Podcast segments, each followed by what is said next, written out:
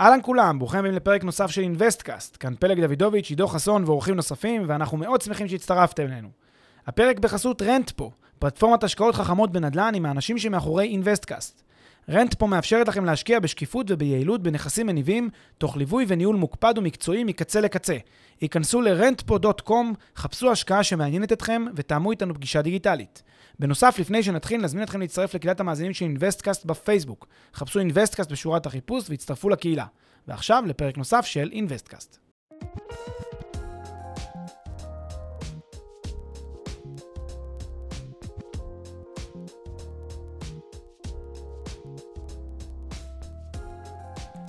שלום לכולם, ברוכים הבאים לפרק 36 של אינוויסטקאסט.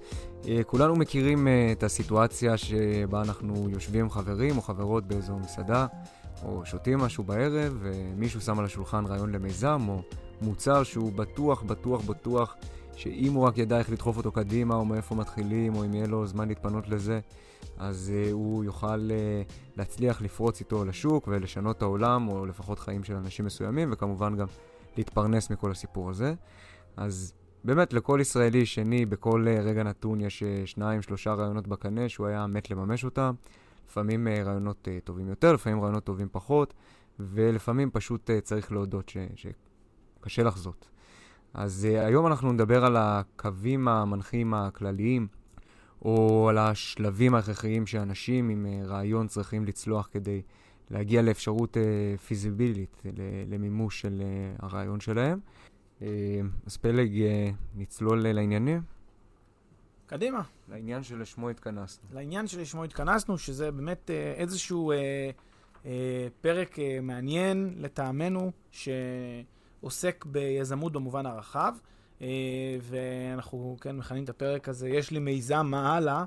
אז uh, הכוונה במיזם היא כמובן uh, לכל צורות וסוגי המיזמים שאפשר לחשוב עליהם, בין אם זה מיזמים, uh, סטארט-אפים, מוצרים שרוצים ליצור, יותר טכנולוגיים, פחות טכנולוגיים, אפילו מוצרים בעולם הנדל"ן, בעולם הפיננסי, כל uh, עולם שהוא, כשיש לנו רעיון, כמו שאתה אומר, יושבים בערב כמה חברים, ככה מדסקסים, פתאום אחד זורק לאוויר איזה רעיון מצוין לקוצץ ציפורניים חשמלי שמתחבר ל... ל לאוטו, ותוך כדי נהיגה יכול לקצוץ ציפורניים למי שיושב עם כפכפים. אז כל היום יש רעיונות כאלה טובים יותר, טובים פחות.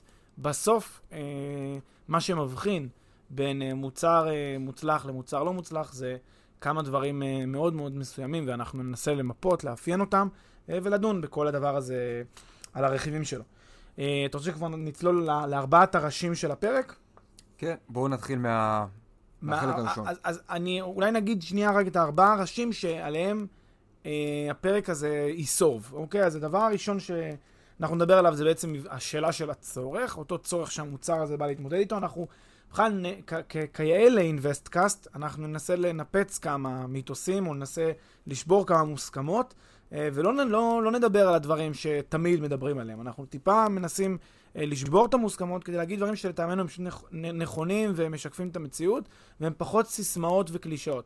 לכן במובן הזה אה, אנחנו, חשוב לנו לשים את כל הדברים בצורה מסודרת ולפרוט אותם כדי שהכל יהיה ממש לנגד העיניים של ה...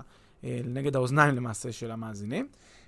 אז הדבר הראשון שאנחנו נדבר בו זה הצורך בעצם שעומד בבסיס המוצר.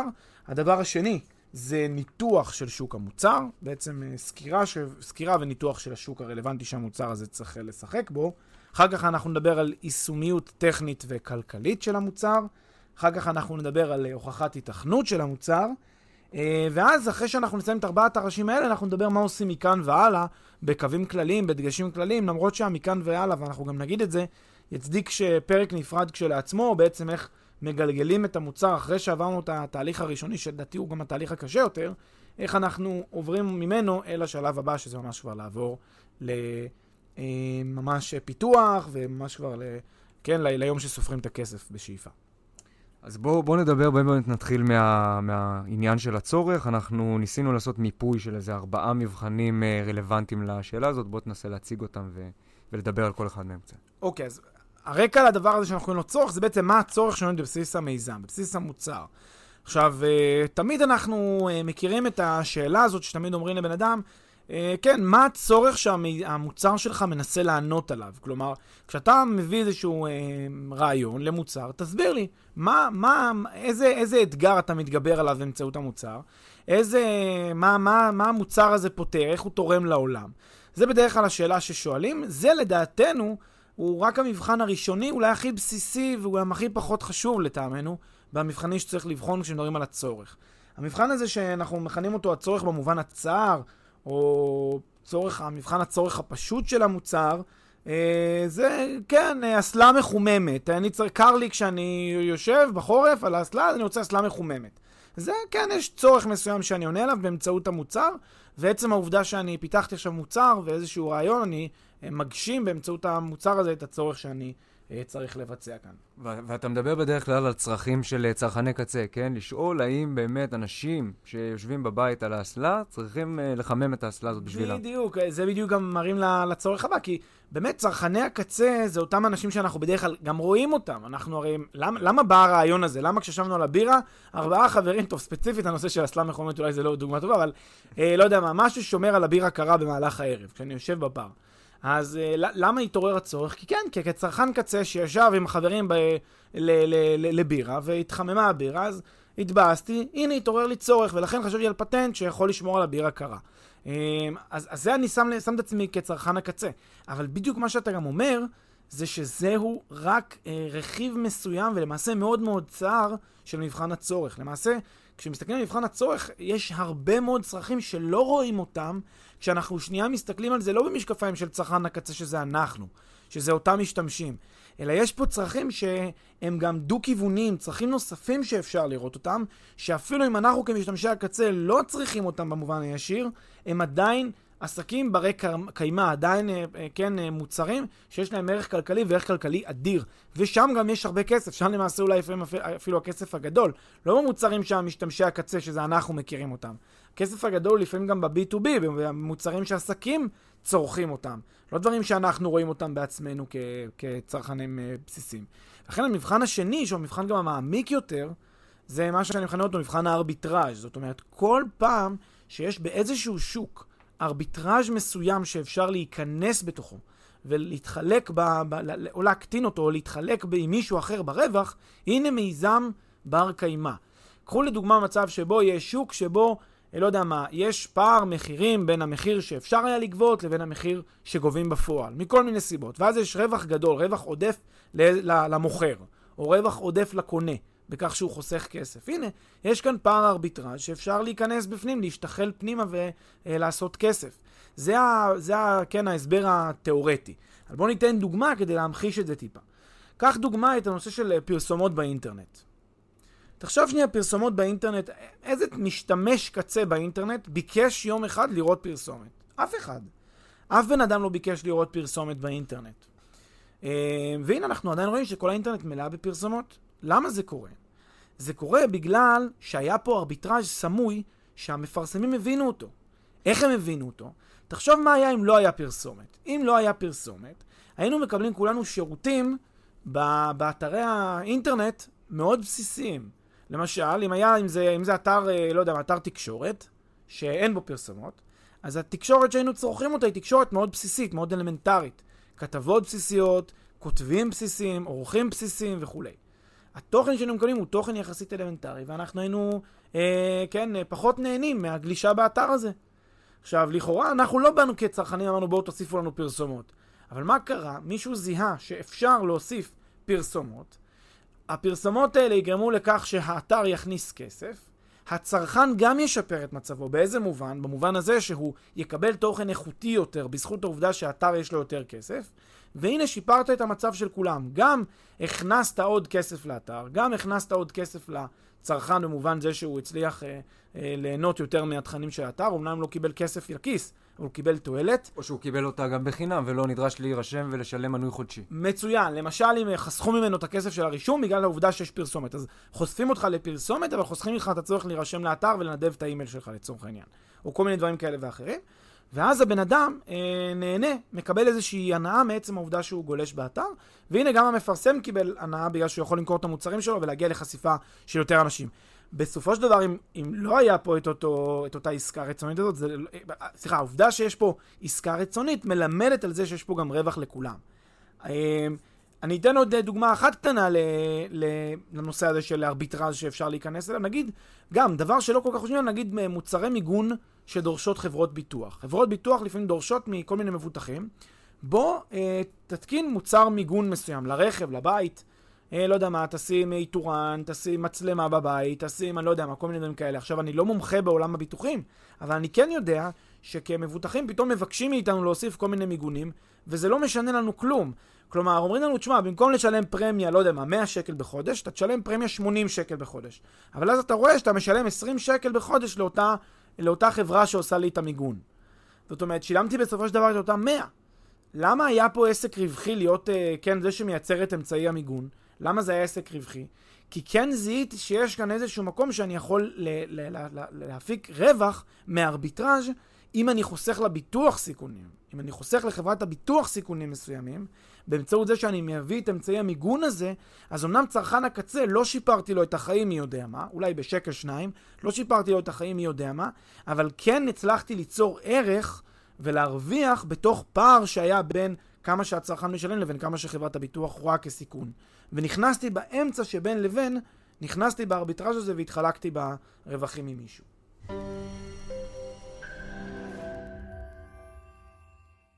לפני שנמשיך, כמה שניות מזמנכם.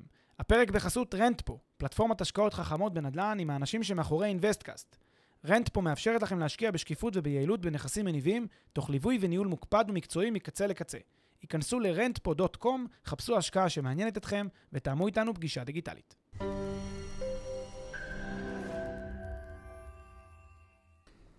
כן, ובאמת, ב, אם אני חוזר רגע לדוגמה של, אה, של הפרסומות ושל האינטרנט, אז לגבי פער הארביטראז'ים, הארביטראז' הזה שאפשר, הפער הזה שאפשר להיכנס אליו, שאתה קורא לו ארביטראז', אה, בין, בין צרכן הקצה לבין אה, המפרסם, כן, בין קוקה קולה לבין מי שגולש באינטרנט, יש כל כך הרבה אה, יזמים ומיזמים שנכנסים, ספציפית בעולם שדיברת עליו קודם, פרסום ואינטרנט, העולם הזה של העתק, DSP ו-SSP ובורסות אה, של בידים, ואין סוף, אין סוף שחקנים באמצע שבאמת משחקים על אותו, על אותו רווח, שהצרכן של הקצה באינטרנט שבסוף רואה את הפרסומת, לא בכלל מודע ל... ליתרונות שיש לזה, לחסרונות שיש לזה, אם הוא כן מקבל תוכן בחינם, לא מקבל תוכן. בסופו של דבר, לא חייבים להסתכל רק על הצורך של צרכן הקצה, אני חושב שזו נקודה נכונה. אבל, אם מוצרים כמו פרסומות באינטרנט או מוצרי מיגון של חברות ביטוח לא פונים מלכתחילה אה, לצרכן קצה, אלא הם פונים לבית עסק. ואז הלקוח, שאתה מסתכל עליו בתור היזם, הוא בעצם בית העסק ולא צרכן הקצה. אז זה לא בדיוק הלכה למעשה כמו מבחן הצורך הבסיסי הזה שדיברת עליו בהתחלה. כלומר, מה שאתה שואל, בגלל שעכשיו הם פונים לבית העסק ולא לצרכן, אז בית העסק הוא הצרכן. אז בעצם לא שינינו, אז רק קראנו לזה... כן, אבל זה לא מדויק, כי גם כשאני פונה רק לבית העסק, אני עדיין עושה שינוי שמשפר את המצב גם של צרכן הקצה. וזה אולי היופי בדבר הזה. כלומר, אנשים לא כל כך רואים את הצד קדימה הזה, כי הם לא חושבים על זה. אתה דיברת על הבורסות של הבידים. אנשים לא מבינים מה הייעול הזה של בורסות של בידים יצר גם לצרכן הקצה. ננסה שנייה לתת אינטואיציה. בוא נניח שיש נעליים שאני קונה אותם במחיר 100 שקל. זה מחיר הנעליים. עכשיו בוא נניח שבא מישהו שהוא, אה, כן, פיתח איזושהי מכונה שיודעת לייצר נעליים יותר בזול. עכשיו הוא הולך ליצרנים של נעליים ואומר להם בואו יצרנים של נעליים תקנו את המכונה שלי, תצליחו להוזיל את מחיר הייצור של הנעליים. עכשיו מה יגיד בן אדם שרואה צעד ראשון קדימה, רק צעד אחד, לא צעד קדימה, הוא רואה רק את הצעד הכי קרוב, הוא יגיד רגע בסדר, אז אתה תביא לבעל העסק, כן, ליצרן של הנעליים, אתה תביא לו את המכונה הזאת, אין בעיה, הוא יעלה לו פחות לייצר את הנעל, אבל הוא עדיין יגבה 100 שקל על הנעל. הצרכן קצה, כלומר אותו משתמש, אותו צרכן, לא יפיק מזה איזשהו רווח עודף מעצם העובדה שהכנסת מכונה שמייעלת את ייצור הנעליים. זה, כן, זה המחשבה הראשונית שנגיד, כי אנחנו ציניים, אנחנו נגיד, המוכר לא יוריד עכשיו את המחיר בעקבות זה. אבל זו מחשבה צרה ולא מדויקת. למה? כי מה יקרה מחר בבוקר? יהיה צרכ... נעליים אחר, שגם הוא יקנה את המכונה הזאת, והוא רוצה להתחרות, הוא רוצה לגנוב את הלקוחות של היצרן השני. מה הוא יעשה? עכשיו הכניסו מכונה, מייעלת לו את התהליך, עכשיו לא עולה לו, אה, לא יודע מה, 95 לייצר את הנעליים, שיש לו רק רווח 5. עכשיו עולה לו 90 לייצר את הנעליים, יש לו רווח של 10. אז הוא מוכן להוריד את המחיר מ-100 ל-99. מה יעשה היצרן הראשון? יוריד גם כן ל-99. מה יעשה היצרן השני? יוריד ל-98. וככה הלאה, עד שהם יגיעו באמת לאותם 5 דלתא רווח שהיה להם מלכתחילה. אולי קצת יותר, 5.5. אבל בכל אופן, המכונה שתיכנס לשוק, היא תשפר את המצב גם של היצרן וגם של משתמש הקצה ביחד, של שניהם היא תשפר. ו- ומה שהטענה כאן אומרת, הנה, ייצרנו מוצר שלא פונה למשתמש הקצה באופן אוטומטי, אלא פונה ליצרן, והנה גם משתמש הקצה נהנה בסופו של דבר מה- מהטכנולוגיה שאנחנו פיתחנו. אז בגלל זה המבחן הזה של המבחן המעמיק, בסדר, התשובה עונה לשאלה ש- ששאלת? עונה ואפילו מספקת. אפילו מספקת. אז המבחן השני, שהוא המבחן המעמיק, הוא לדעתנו מבחן אה, שהוא אה, כמעט אה, חשוב יותר מהמבחן הראשון, שהוא מבחן הצורך. שמבחן הצורך הוא מבחן הבסיסי, אבל באופן אה, מסורתי אנחנו יודעים שרוב האנשים נמשכים למבחן הצורך. אבל אולי גם יש פה איזשהו הסבר שצריך אולי בכל זאת להגיד אותו להיות הוגנים. הרבה אנשים הולכים למבחן הצורך, כי הם, לא, הם, הם פשוט לא היו בכובע של המבחן, שמצריך את המבחן השני, כלומר, הם לא חשבו על זה. אז uh, מה שנקרא, אם אתם רוצים לחפש איפה הכסף נמצא, נסו אולי לחשוב מה יכול לשפר את, את הצד השני של המשוואה, אילו הייתם בצד השני. אולי זה יכול לתת לכם איזשהו מענה, uh, uh, וזה לפחות הנקודה השנייה. עכשיו, uh, יש עוד מבחן, זה המבחן השלישי, שגם הוא uh, רלוונטי בעולם של uh, יזמות, בתוך. בתוך שאלת הצורך, והוא מבחן שיפור החוויה. זה בעצם אומר לקחת מוצר שכולם עושים ולשפר את החוויה. עכשיו, אה, אני באופן אישי קצת אה, אמביוולנטי ביחס למבחן הזה. אני לא יודע אם אני יותר בעד או יותר נגד המבחן. כלומר, מה בעצם הרעיון? הרעיון לקחת איזשהו משהו שכבר אנשים עושים אותו ביום-יום, שהוא כבר מוצר בעל ערך, וכל מה שאני עושה, אני משפר את הצורה שאני מגיש אותו. אני משפר את הצורה שהצרכן חווה את המוצר הזה. ועצם העובדה שאני עשיתי את זה, יצרתי משהו עניתי על איזשהו צורך. צורך של מי? של המשתמש, כי שיפרתי לו חוויה. החוויה שלו הייתה לא טובה, עכשיו שיפרתי אותה. כן, אפשר לראות את זה הרבה מאוד בכל מיני מיזמים, נגיד, אפילו דוגמה הכי פשוטה, אה, קחו, אה, אה, אה, דמיינו שמיזמים כמו גט טקסי או גט ואובר, זה לא היה רק העובדה שאתה מוצא בקלות במהירות המונית, אלא רק העובדה שאתה חוסך את השיחת טלפון.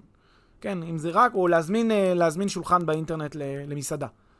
זה רק לחסוך לך שיחת טלפון של חצי דקה, זה לא באמת דרמטי. והנה, עדיין זה משפר חוויה, והנה, יש לך יופי של מוצר, כי אתה משפר לאנשים חוויה, והופך את ההזמנה ליותר נעימה ונוחה. אה, אז זה הבעד של זה. זה באמת אה, יותר קל לך, בטווח הקצר לפחות, לשווק ולמכור את המוצר. אם המוצר שלך משפר חוויה, הנה, אתה מראה למישהו, אני יכול לשפר את החוויה שלך, וזה אמור אה, לפתור לך בעיה בטווח הקצר לפחות. להפוך משהו. יותר קל לך למכור, להגיע לבן אדם, לשכנע אותו לקנות את המוצר הזה. הנגד, וזאת הסיבה שאני קצת אמביוולנטי, היא בגלל ששיפור חוויה לטעמי זה לא דבר שמחזיק לאורך זמן. שיפור חוויה יש לו אפקט רגעי. אמ, אז אני לא יותר מדי מאמין בשיפור חוויה, בטח לאורך זמן, בנושא הזה. אוקיי, okay, אז יש לי שתי שאלות בהקשר הזה. אחד, הרבה מיזמים לוקחים מוצר קיים ומשפרים אותו, למען האמת, חלק גדול מהמיזמים הם כאלה, ובמובן מסוים הם כולם משפרים את החוויה, גם אם זה דרך שיפור של המוצר. כלומר, לא שיפור של החוויה וזה הכל, אלא שיפור של המוצר שבדרך אגבית משפר את החוויה. אז זה דבר אחד שאני מבקש שתתייחס אליו. ודבר שני, גם אם מדובר אה, בשיפור של חוויה ותו לא, בלי שיפור אמיתי של המוצר, אז היום יש מיזמים, אפשר להתעלם מזה, שעושים קריירה על הסיפור הזה. אז אתה טוען שזה תמיד אה, overrated, תמיד לא כדאי. קודם כל לגבי השאלה הראשונה, אלה שמשפרים גם את המוצר וגם את החוויה, אז הנה, זה שיפור מוצר. אם שיפרתי גם את המוצר בדרך וגם את החוויה, אז אני אזקוף לפחות את שיפור המוצר למשהו שהוא בר קיימא לאורך זמן. עכשיו, ושיפור החוויה, אני אמשיך לטעון שאני טיפה, טיפה ספקני לגבי כמה יש לו אורך רוח. עכשיו, אני אגיד, אני אגיד לך למה אני, למה אני מרגיש ששיפור החוויה זה עניין של, uh, עניין רגעי ולא עניין שיש לו, uh, כן, יכולת נצחית כזאת. משתי סיבות, ששתיהן זה בעצם אותו רעיון של טרנדיות. כן, אחד, זה טרנדי יכול להיות היום לשפר את, ה, את החוויה מ-X ל-Y. יכול להיות שהיום זה נהיה יותר טרנדי לעשות, לשפר מ-X ל-Y, כי החוויה יותר נעימה כשאתה עושה ככה ולא עושה אחרת. אבל מחר יכול להיות שהחוויה תהיה הפוכה. אוקיי? החוויה תהיה דווקא עדיף ככה. זה די מזכיר את ה... אה, נניח אה, דירות הישנות בתל אביב, כן? או דירות הישנות בכלל בהרבה מקומות בעולם. אז לפני 15 שנה, 10 שנים, אנשים רצו ליצור דירות שיראו מודרניות כאלה, מאוד יפות, ומאוד מוצבות, ומאוד אדריכליות, ומאוד מתוכננות ומסוגננות. ומאוד uh, סלדו מה, מה כן, היופי הדירה התל אביבי הישן הזה, עם, ה, עם הרצפה המוכרת והמרפסת המוכרת ואיך שהיה נראית פעם. והנה היום אתם רואים מגמה הפוכה, אנשים חוזרים דווקא לדירות הישנות. אז uh, כל מה שעשית כיצרן, כן, או כאדריכל, או כמי שמתעסק או מעצב, זה לשפר את החוויה של הדירה למצב מודרני יותר. והנה היום הביקוש הוא דווקא לכיוון ההפוך. אז השתנה לך בעצם מה שנחשב... אה, אה, כן, או אותו טרנד השתנה לך פתאום אה, לנגד העיניים, ולכן מה שקודם היה נחשב שיפור חוויה, עכשיו כבר לא שיפור חוויה. זה בעיה ראשונה. והבעיה השנייה, שגם השיפור חוויה זה טרנד שהוא משתנה. כלומר, מאוד יכול להיות שהטרנד של שיפור החוויה הוא עצמו ישתנה לאורך זמן, ומחר בבוקר לא יהיה, יוצר, לא יהיה יותר צורך בשיפורי חוויה כאיזשהו אה, צורך שמצדיק מיזמים. לכן אני טיפה גבולי לגבי השאלה הזאת של... אה, של uh, שיפור חוויה. Um, נגיע למבחן הרביעי והאחרון בשאלת הצורך? כן, בואו נרוץ עליו בזריזות. אז המבחן הרביעי זה מבחן שמכונה מבחן המעלית. וזה תמיד uh, מה שאנשים אוהבים, ל, ל, כן, ת, ל, לשים לאנשים מול הפנים. אתה מדבר בן אדם ומספר לך על מוצר מיוחד שהוא פיתח לאוטו, שאפשר לאבזם מיוחד וזה, ואז הוא אומר, בסדר, עזוב, עזוב, אתה מדבר כבר עשר דקות על המוצר שלך, בסוף אתה צריך לעבור את מבחן המעלית. אתה צריך שהמוצר, תסביר אותו ב-15 שניות במעלית. אני בכל אה, רמה חבריי, או איך שלא אומרים את הביטוי, מתנגד לכל הצורות המתחכמות האלה של מבחנים. לא צריך לעבור שיחת מעלית. המוצרים הכי טובים בעולם יכולים להיות שאפשר להסביר אותם במעלית, ושאפשר להסביר אותם ברכבת מפרנקפורט לדלהי. אין שום אה, בעיה שהמוצר שלך יהיה כל כך מורכב להסבר, ועדיין יהיה מוצר מוכר בטירוף. אה, כל המוצרים, כל החברות הגדולות שאתם יכולים לחשוב עליהן, אתם יכולים לחשוב שיש כאלה שקל להסביר אותם ויש כאלה שלא קל להסביר אותם. אז עזבו את כל ה... אה, מה שנקרא פלברות או מניירות של מבחן המעלית, 15 שניות, 8 שניות, עזבו את זה, לא צריך את זה. שיהיה מוצר עם, עם שעונה על צורך טוב, בין אם זה צורך ש, של צרכן הקצה, בין אם צורך טיפה יותר מעמיק, ורוצו על זה בלי, בלי להיכנס יותר מדי לשטויות. טוב, אז אנחנו נחתום בנקודה הזאת את, אה, אה, את, אה, את, הכותרת, את הכותרת הראשית של הצורך, ובואו נעבור לניתוח שוק של המוצר. הדבר השני בעצם שצריך אה, לחשוב עליו כשרוצים להרים מיזם. יצאנו מהבר, אתה אומר, אחרי שדיברנו על הצורך, ראינו שענינו על צורך טוב, יש אור ירוק מה, מהחבר'ה, ועכשיו עוברים לשבת על ניתוח שוק המוצר. והנה breaking news לכל המאזינים שלנו, אני חושב שהרוב הגדול לא יודע את זה. 90, 95, אם לא 99 אחוז מהעבודה שלכם זה בגוגל. קשה להאמין לזה, אבל זה המצב. תלכו לחברות הייעוץ, חברות המודיעין העסקי, כל, you name it, לכל החברות המובילות בתחום הזה של אה, פיתוח עסקי ופיתוח מוצרים, 99% מהעבודה שלהם היא בגוגל. אחר כך הם יכינו איזשהו תוצר, איזשהו מצגת שמסביר וכולי, אז זה סתם עבודה עיצובית, שלפעמים לוקחת הרבה זמן. אבל את המחקר המעמיק הם עושים בגוגל, וככה הם לומדים בדיוק עם המוצר, מה השוק שלו, מה הנתונים שלו.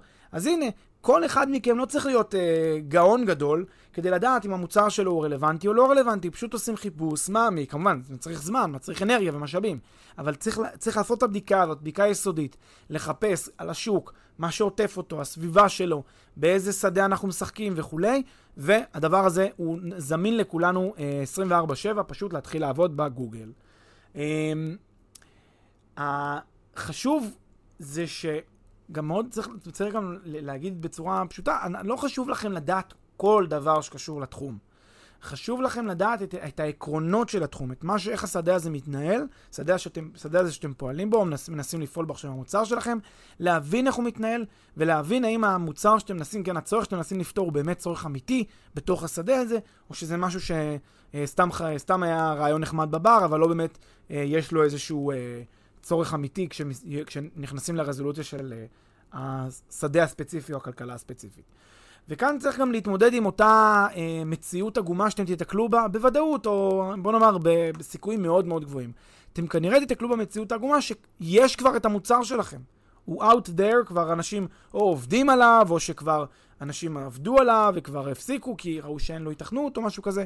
כלומר, כמעט כל דבר שאפשר לחשוב עליו, כבר ראו, כבר עשו, יש מספיק אנשים בעולם שעובדים וחושבים, ותהיו בטוחים שגם המוצרים שנראים לכם הכי טובים בעולם, כבר מישהו ישב וכבר עבר את אותו, את אותו ערב כמו שאתם כבר לפני חמש שנים. ועדיין, ועדיין, העובדה שחשבו על זה לא אומרת לנו כלום, בעיניי לפחות, לגבי השאלה האם צריך לצאת לדרך או לא צריך לצאת לדרך. זה שחשבו, אפשר ללמוד מזה מה הם עשו ואם הלך להם או לא הלך להם. זה לא אומר שאנחנו בהכרח, אם כבר יש מוצר כזה, אנחנו צריכים לא ללכת לכיוון. ולהפך, אם אין מוצר כזה, אז אנחנו חייבים ללכת לכיוון. זה לא מלמד אותנו כלום ברמה המעמיקה. אמ, כן, אה, המטרה גם, תחשבו על זה ככה, שגם המטרה שלכם היא לא להיות הראשונים, או פורצי הדרך בהכרח בכל תחום, המטרה שלכם היא להיות הכי טובים באותו תחום. אז זה, שזה, זה שזה קיים לא אומר שאתם אה, צריכים, אה, כן, להרפות את ידיכם. אוקיי, אבל אה, אז ברור שתמיד אפשר לחדור עם מוצר משופר לשוק קיים, אבל אם אתה לא הראשון, יש הרבה קשיים שמתעוררים מטבע הדברים. קשה לפרוץ לשוק אה, קיים ולהתחרות, בוודאי כשיש שחקנים אה, מנוסים ממך, עם איתנות פיננסית מסוימת וכולי. ויותר מזה, הם תמיד יכולים לזהות מהר מאוד מה היתרון היחסי שלך, או מה אתה שיפרת, להק... ו... כלומר, ולהקדים אותך באמצעות היתרונות שלהם, שדיברתי עליהם, ניסיון וקשרים ואיתנות פיננסית, להתאים את המוצר שלהם לתנאי התחרות שהכתבת ולהעלים אותך. זה לא, לא דבר שאתה צריך לקחת בחשבון כשאתה רואה שקיים מוצר דומה לשלך? זו שאלה מצוינת. החשש מזה שהמונופול הגדול שכבר פעיל בתחום אה, יאכל אותי בלי מלח בחצי שנייה. אה, הטענה, אני חושב שהיא די משותפת, היא, היא, יש פה שתי תשובות. תשובה ראשונה, כל עוד אתה קטן, אף אחד לא ישים לב אליך, גם הגדול, שכבר אה, יש לו הרבה לקוחות, לא ישים לב אליך, אתה לא מעניין אותו יותר מדי. כשתגדל, אז אתה כבר תגדל. אז, אז, אז באמת אתה צריך לחשוב על זה. אבל קודם כל תתחיל בלעשות את הצעד הראשון, אל תחשוב מה יהיה כשתגדל. Uh, ושנית, uh, הרבה, מאוד, הרבה מאוד מהחברות שאנחנו מכירים, זה חברות שנמכרו לחברות גדולות, אז מה? אוקיי, אז נמכרו, אבל הם עשו, הם, הם עשו יפה. כלומר, uh, גם אם תכניס איזשהו, כמו שאתה אמרת, יתרון יחסי, יש לי איזשהו יתרון יחסי במוצר שלי, uh, ויש חברה גדולה שכבר פעילה בתחום, והחברה הגדולה הזאת כבר uh, עושה הרבה כסף, אז כל עוד אני קוטן היא לא מבחינה בי. כשאני אגדל, את היתרון היחסי שלי אני אמכור להם. מה, אין בזה שום דבר רע, אה, בטח זה לא צריך להניע אותי. כמובן, צריך לשים לב, אה, אם זה יש חברה שמשתלטת על כל השוק, נגיד, אה, כן, רשתות חברתיות, כמו פייסבוק, אז כן, לעשות מיזם של רשת חברתית זה קצת קשה היום. שוב, בגלל שלאנשים אין זמן, ואת רוב הזמן שלהם תופס את פייסבוק. אז בזה זה כבר די נגמר הסיפור. אלא אם כן יש לך באמת משהו מטורף שאתה מכניס פה בשוק, ואז זה, אבל צריך להבין בדיוק מה אותו, מה אותו מונופול שיש לחברה. אבל ברוב השווקים, ברוב המוחלט של השווקים, יש מספיק, מספיק בשר לתחרות, מספיק מקום להיכנס, ואין בכלל בעיה במובן הזה. אמ, מה שכן צריך להיזהר, בהקשר הזה של אה, ניתוח השוק, זה להיזהר מטרנדים ובועות, ומבעיית הקונצנזוס. אמ, אבל למה, עוד פעם, זה כאילו קצת מחזיר אותי אחורה, למה להיזהר מטרנד ולא לרכוב עליו? זה כאילו קצת מתקשר למה שדיברנו קודם בהקשר של השיפור חוויה. כאילו, אם אתה מתכוון לשנות את העולם, אז אולי לא כדאי לך להיכנס למיזם שהוא טרנדי במהות שלו, אבל אם אתה מתכוון לעשות מכה ודי, אז אולי זה דווקא לא כך נורא ללכת על uh, מיזם uh, טרנדי או קונצנזואלי כזה. תראה, אני חושב שטרנדים, הבעיה עם טרנדים זה שבסוף לא יהיה לך גם מה למכור, וזה גם החשש. החשש בטרנד זה שהיום אתה, אתה, אתה עולה עם הטרנד, תראה, זה, זה, כמו, זה כמו שתגיד לי... אה, אה, כולם קונים איזשהו מוצר, בואו ניקח דוגמה של שוק הפרחים בהולנד, שזו דוגמה נפלאה לטרנד שהיה אי שם לפני כמה מאות שנים, אה, דוגמה יפה על הפרח הצבעוני, הטוליפים בהולנד, בבורסת הפרחים של הולנד, אה, התחיל איזשהו בום סביב נושא הצבעונים, בגלל שהיה איזשהו חשש שתנאי אקלים מסוימים גורמים לכך שהוא יפסיק, יפסיק היכולת לגדל אותו, בטח בייצור המוני, וצריך להתחיל לגדל, צריך להתחיל, כן, to cherish את הטוליפ, שלעולם לא, לא ייכחד, כי ומי שיש לו טוליפ אז צריך אה, שווה הרבה כסף פתאום. עכשיו, אה, מה שקרה, התחילו אנשים לסחור בפרח הזה, והמחיר שלו עלה ועלה ועלה וטס לשמיים. וזה על פני תקופה של כשנה, שהמחיר של הטוליפ פשוט הגיע למחירים בועתיים. עכשיו, נחתה שואל את השאלה, תשמע, אם אני נמצא אי שם בתחילת הדרך, שכשהטוליפ מתחיל לעלות, האם להיכנס או לא להיכנס לשוק? האם להתחיל לסחור או לא להתחיל לסחור? ברור שבדיעבד, נכון היה להיכנס ולהתחיל לסחור. שוב, אם אתה בא לחודשיים, לשלושה חודשים, אם אתה יודע מתי לצאת. הבעיה היחידה זה שאתה יכול להיכנס לשוק הזה איפשהו לקראת הסוף שלו. וכשאתה נכנס לטרנד, אתה צריך להבין שטרנד משתנה באותה מהירות שהוא הגיע. בשנייה אחת הטרנד הזה יכול להשתנות, ואתה נשאר עם סחורה שהיא זבל. אתה לא יכול למכור אותה. בטח לא במחיר שאתה רוצה. אתה בהפסד אדיר. עכשיו, זה הבעיה של טרנדים. טרנדים, אנחנו יכולים ליהנות מהם, אנחנו בעלייה של הטרנד. אבל לא תצליחו למכור טרנד לאורך זמן, לכן אתם מפתחים מוצר שכל כולו נשען על טרנד, זה דגל אדום בעיניי, זה לא משהו שהייתי נכנס אליו. עם כל הרעיון שלי זה איזושהי, יש הרבה אנשים שאומרים, יש לי עכשיו, אני הייתי באיזושהי מדינה, וראיתי שמשהו נהיה חם עכשיו במדינה, חבר'ה צעירים, לא יודע מה עושים, הם, אה, אה, לא יודע מה, שותים קפה באמצע הרחוב אה, עם, עם, עם פינג'נים מקומיים, זה הדבר הכי חם עכשיו שם, פינג'נים מקומיים. טוב, אז אני, אני שואל את השאלה, האם, האם אתה רוצה להיכנס לתחום פינג'נים מקומיים בדרום אמריקה, שזה מה שאתה חושב שעכשיו הדבר שהכי ימכור, האם זה עוד גם עשר שנים ימכור? האם זה גם... הוא, הוא, לא, לא צריך ללכת רחוק לפינג'נים בחורות, הוא צריך ללכת לספינר ולכל מיני, אתם יודעים, טרנדים. בדיוק, דברים כאלה שהיו אורחים לרגע בעולם הזה, הנה היו ונעלמו. במהירות שבאו ככה הם הלכו, וזהו. ואז עכשיו אתה שואל את השאלה, האם אני משקיע בזה כי זה מוצר בעל ערך שתורם באמת לעולם יותר מדי, או שזה סתם איזשהו טרנד זמני? אז אני, אני, אני חושב שעדיף להתרחק מאותם דברים שהם טרנדים, לא בגלל שאתם לא יכולים לעשות יפה, אולי תעשו יפה, אבל בגלל שבסוף המוצר שאתם מוכרים אותו הוא מוצר שהוא נשען על הטרנד הספציפי. לכן אני לא חושב שזה זה כשלעצמו מספיק. טוב, אז קצת טיפ-טיפונת סטינו מהניתוח אה, של השוק של המוצר, אבל אני חושב שבגדול אה, הנקודה מוצתה, ואני אשמח אם אה, תוכל לעבור לשלב, לפאזה הבאה של היישומיות של המוצר, גם מבחינה טכנית, פיזיבילית, טכנית וגם מבחינה כלכלית. אז בנושא של היישומיות, ושוב, אנחנו בשלבים של ה... התיישבנו במחשב, עשינו את ה...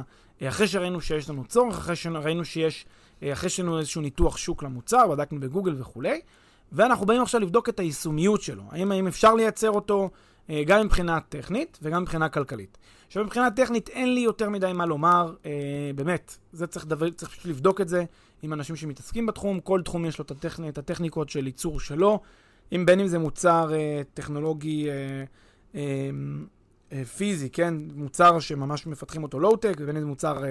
הייטק, אה, מוצר אה, דיגיטלי כזה, אז תוכנה, קוד, דברים מהסוג הזה, זה צריך להתייעץ עם מי שמבין. אבל אה, אחרי שעברנו את ההיתכנות הטכנית, צריך לבדוק את ההיתכנות הכלכלית, שזה לב העניין. אנחנו בסוף בונים, אה, בונים עסק בשביל להרוויח, אה, והישימות הכלכלית היא המבחן למעשה הכי חשוב שלנו. אבל אחת הטעויות שהרבה אנשים עושים כשהם מפתחים איזשהו מוצר, הם, מנס, הם, הם נשענים על איזושהי תחזית כלכלית שהיא כאילו מניחה שכל הרווח שלה נשען על איזשהו יום שבו היא הגשימה את המטרה שלה. למשל, חבר'ה שמפתחים אפליקציה, לא יודע מה, אפליקציה ששולחת לך פוש על מזג האוויר, והם אומרים, ואתה שואל, אוקיי, מה המודל העסקי? אנחנו נמכור פרסומות. עכשיו, יכול להיות שיש יש באמת ערך בזה שתעשו אפליקציה למזג אוויר, ושהוא, ויכול להיות שיהיה לזה הרבה משתמשים ותמכרו בסוף פרסומות, אבל כבר מ-day one אתם בונים על זה שיהיה המון המון משתמשים שיצדיקו את הפרסומות שיהיו אז. זאת אומרת, זה תהליך שאתם צריכים לעבור אותו, זה תהליך שייקח הרבה מאוד זמן. וזה מרגיש כאילו אין מודל עסקי. אין מודל עסקי מספיק מבוסס, כי אנחנו, הקפיצה הזאת שמהרגע שיהיה לנו אפס לקוחות, אפס אנשים שצורכים את המוצר, ועד למיליון אנשים שצורכים את המוצר, כדי שיצדיקו פרסומות, היא תהליך מאוד, מאוד מורכב שצריך לעבור. בינתיים אין הכנסה. וזה בינארי, כל זמן שלא הגעת לרף הזה, אתה בבינארי, אתה אין לך הכנסה. אז לא עשית כלום. לכן המודל העסקי לא יכול לדבר במונחים של מה יקרה ביום שבו המוצר יתפוס וכמה רווחים יהיו לי, אלא הוא חייב להראות את השלביות שבדרך. חייב להגיד, אוקיי, בשלב הראשון אפשר שנגיד חצי שנה, שנה אין הכנסות. זה גם יכול להיות. אין הכנסות. אחר כך, אחרי שנה, אנחנו צריכים לעשות הכנסות לא מפרסומת שיהיה לנו מיליון משתמשים, אלא צריכים לעשות הכנסות ממשהו מסוים. לא יודע מה, חברה שהיא החברה של המזג אוויר, משלמת לנו כסף כדי שהשם שלה יופיע, לא יודע מה. ואז כל פעם לעשות עוד, עוד רמה של הכנסות, ועוד רמה של הכנסות, ועוד רמה של הכנסות, כדי שהמודל העסקי שלנו יהיה איזשהו אה, שלביות, ולא יהיה בינארי כזה. משהו יותר סקאלה לאורך תהליך. עכשיו, צריך לקחת בחשבון במודלים עסקיים, זה את בעיית הביצה והתרנגולת, שהיא מתכתבת עם מה שהרגע אמרתי. אה, אחת הבעיות של מיזמים, יש המון רעיונות טובים. והרעיונות הטובים לא מתרוממים לפעמים, לא בגלל שהם לא טובים מספיק, אלא בגלל, ש, אה, בגלל בעיית הביצה והתרנגולת. עד שאין מספיק אה, לקוחות שצורכים את המוצר, לא מוצדק שיהיה מספיק אה, היצע שמספק משהו ללקוחות. וכל זמן שאין מספיק היצע שמספק משהו ללקוחות, לא מגיעים לקוחות. ואז אתה נשאר במין כזה מעגל אינסופי, אתה יכול להמשיך אה, להסתובב במקום. לכן, אחד הדברים שנחוצים במודלים עסקיים זה להבין איזה פעולות דרושות כדי להגיע למצב שבו אני גם מזרים מצד אחד לקוחות וגם מזרים מצד שני היצע, ומראה איך יש לי הכנסות תוך כדי. שוב, קשור לשלביות שדיברנו עליה קודם. אה, עוד דבר שהייתי לוקח בחשבון בנושא של אה, ההיתכנות הכלכלית, זה אה, חישובים גסים, אוקיי? לא הייתי לוקח אה, אה, את הנתונים המדוקדקים ועושה עדיין אקסלים מסודרים, זה מוקדם מדי, לדעתי. אין לכם כרגע שום מושג בכלום, אתם רק כרגע סיימתם את הבדיקות בגוגל. אז לא הייתי יורד לרזולוציה של אה, נתונים ממש מספריים, אלא בחישוב גס. מה שיותר, מה שיותר מעניין, לדעתי, זה מה שנקרא הרווח השולי. ולא מעניין כמה הכנסות יהיו לי וכמה עלויות יהיו לי בכולל. מה ההבדל? הכנסות כוללות אני צריך מה, מה לקחת בחשבון, כמה מוצרים אני אמכור. נניח מה שאני עושה זה צ'יפ מיוחד שאני מתקין אותו בהגה, לא יודע מה. ועכשיו, אם אני, כ, כ, כמי, ש, כמי שרוצה לעשות את הדבר הזה לפני כן, אני צריך לחשוב, רגע, אני אצליח למכור 20 אלף יחידות של הצ'יפ הזה, וכל יחידה אני אמכור בחמישה דולר, לא יודע. אז אני צריך להתחיל לחשוב כמה אנשים יקנו, כמה קהל יעד, כמה זה, אני חושב שזה שגוי. כי בשלב הזה אתה בכל כך אה, אה, חוסר בהירות וחוסר הבנה לגבי מה הפוטנציאל, שזה לא נכון בכלל לפעול ככה. הדבר הנכון לעשות זה להגיד, אוקיי, מה העלות, העלות השולית של המוצר, כמה יעלה לי בשולי, כן, המוצר היחיד ליצור אותו, אחרי שכבר uh, יש לי מפעל וכולי, כמה תהיה לי הכנסה שולית מה, מהמוצר הנוסף, נגיד 4 דולר ליחידה, ועולה לי 2 דולר ליחידה לייצר, והנה הרווח השולי שלי, 2 דולר ליחידה. עכשיו אני רואה שיש מודל כלכלי בר קיימא. הנה, הראיתי את זה. עכשיו, זה, על בסיס זה, ועל בסיס התחזיות שגם אני אצטרך יום אחד להתמודד איתם, של כמה לקוחות יש לי וכמה קהל פוטנציאלי יש לי, אז אני יודע אם אני הולך לכיוון הנכון או לא. אבל לא להתחיל מראש בתחזיות כאלה בומבסטיות, אקסלים מסודרים, ולהתחיל להראות ניתוחים, זה מיותר. בשלב הזה זה מאוד מיותר, כי זה מאוד מאוד גס, לא, לא יקדם אותנו לשום, אה, לשום מקום אה, ברמה המעשית. טוב, וזה באמת, אה, כל הסיפור הזה מתכתב עם הנקודה הבאה שמיד נגיע אליה, אז ראינו, עשינו, בדקנו שיש צורך, הגענו למסקנה שיש צורך. ניתחנו את השוק, ראינו שאין מוצר דומה או יש מוצר דומה, אבל אנחנו רואים שיש לנו איזה יתרון יחסי. אה, או ששיפרנו משהו, או ששינינו משהו.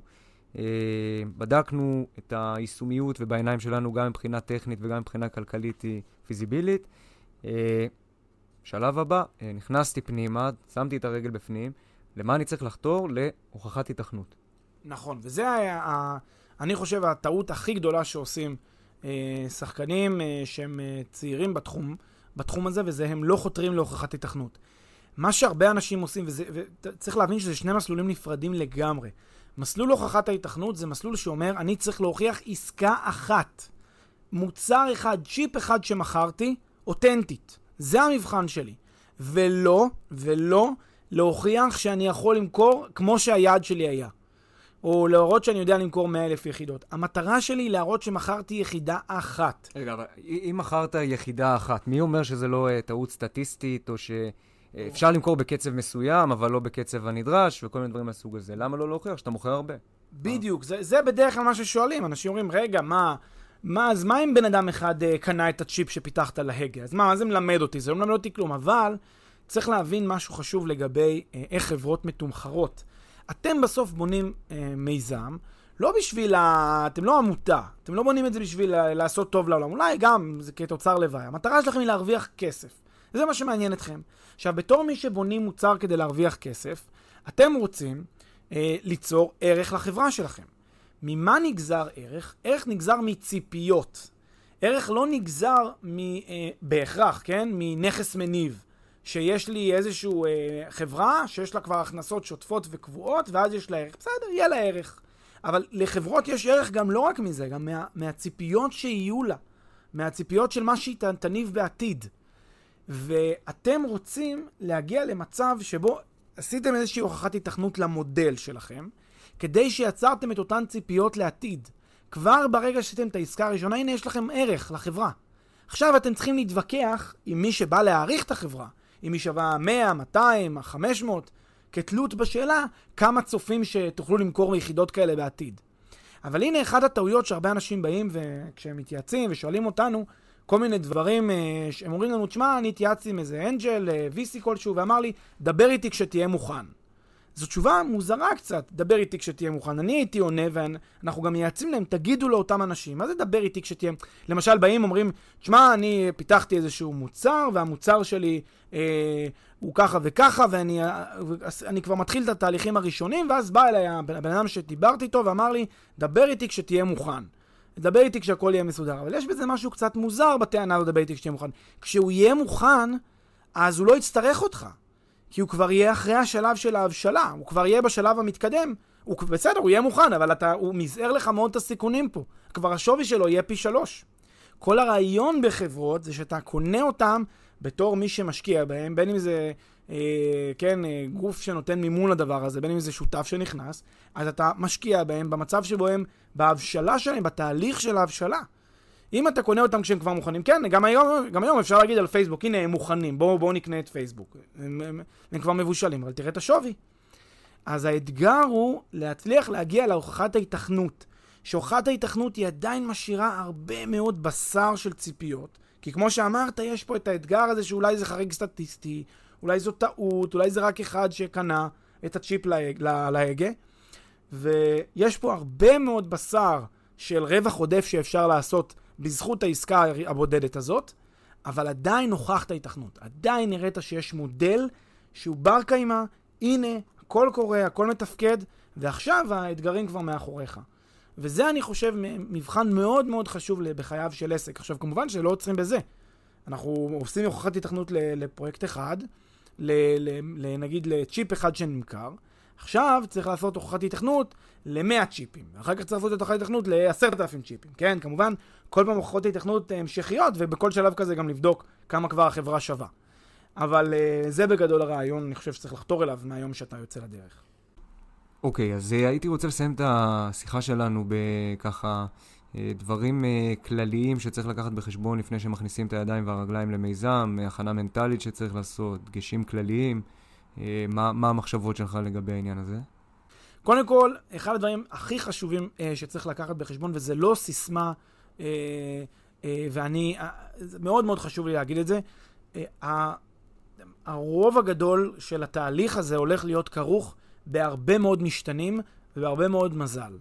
אה, עכשיו, למה זה לא סיסמה? וזה חשוב להבין שזה לא סיסמה, זה חשוב מאוד. כי הרבה אנשים נוטים לעשות מהלך שהם אומרים, בוא נראה מה עשה מישהו שעשה איזה אקזיט נהדר, בוא נלך ונשמע אותו, ונראה מה, מה, מה הוא מספר לי פה. מה הוא לא יספר? מה אתם תראו באירוע הזה? אתם תראו בן אדם שעומד מולכם ומספר לכם כמה הוא הצליח. אתם לא תראו איתו על הבמה את ה-99 שהיו איתו באותו קו פתיחה ולא הצליחו. את, הוא לא יספר, הוא יספר לכם למה הוא הצליח, הוא לא יגיד לכם למה סט הנסיבות היה כזה שתרם להצלחה שלו. למה במקרה, במקרה לגמרי, הוא היה באיזה ביקור בלונדון, באיזה מלון, ופגש אותו איזה מישהו במקרה במעלית, והתלהב והכניס כסף, ומזה כבר אה, אלוהים גדול. את זה הוא לא יספר, כי זה לא... כי זה לא משהו שאינטואיטיבית קופץ לו לראש, אבל רצף האירועים, רצף הנסיבות, הם אלה שגרמו להצלחה למעשה של כל המיזמים. כל המיזמים.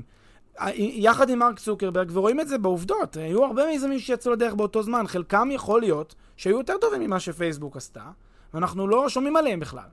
אז ה- ללכת ולשמוע, כן, צריך, כמובן, לא מזיק, ללמוד ולהבין, ולהבין מה אנשים עשו, ולראות איזה טעויות הם עשו כדי לחסוך אותם, זה נכון.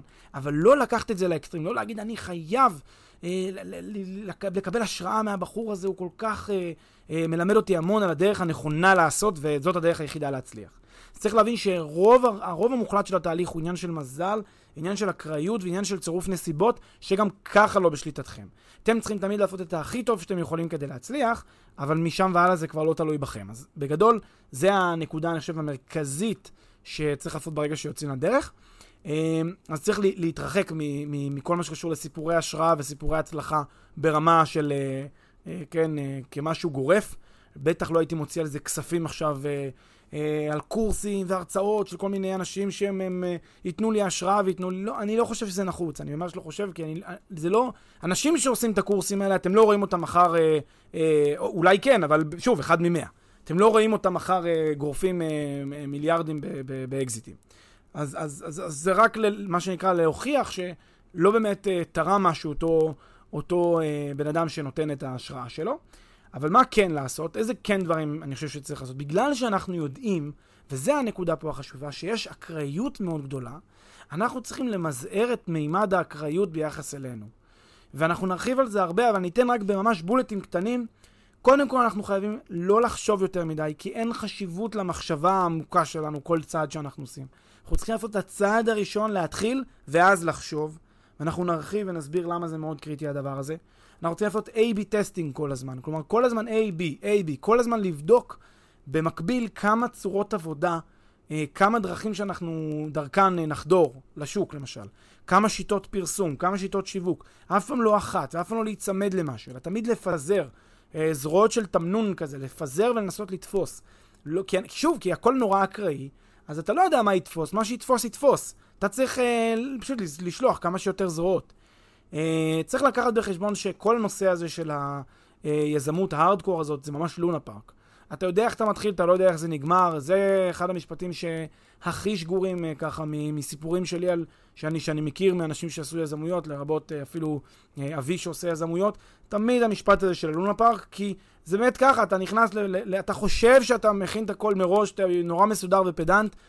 מאה, מאה, מאה פעם, איזה מאה פעם? אלף פעם זה משתנה ב, ב, בעניין, בעניין של כמה שבועות. התוכנית שלך היכולת שלך, אם, אם אתה מבין שזה לונה פארק, אז גם היכולת שלך לשנות את התוכנית היא אה, יכולת אה, גבוהה.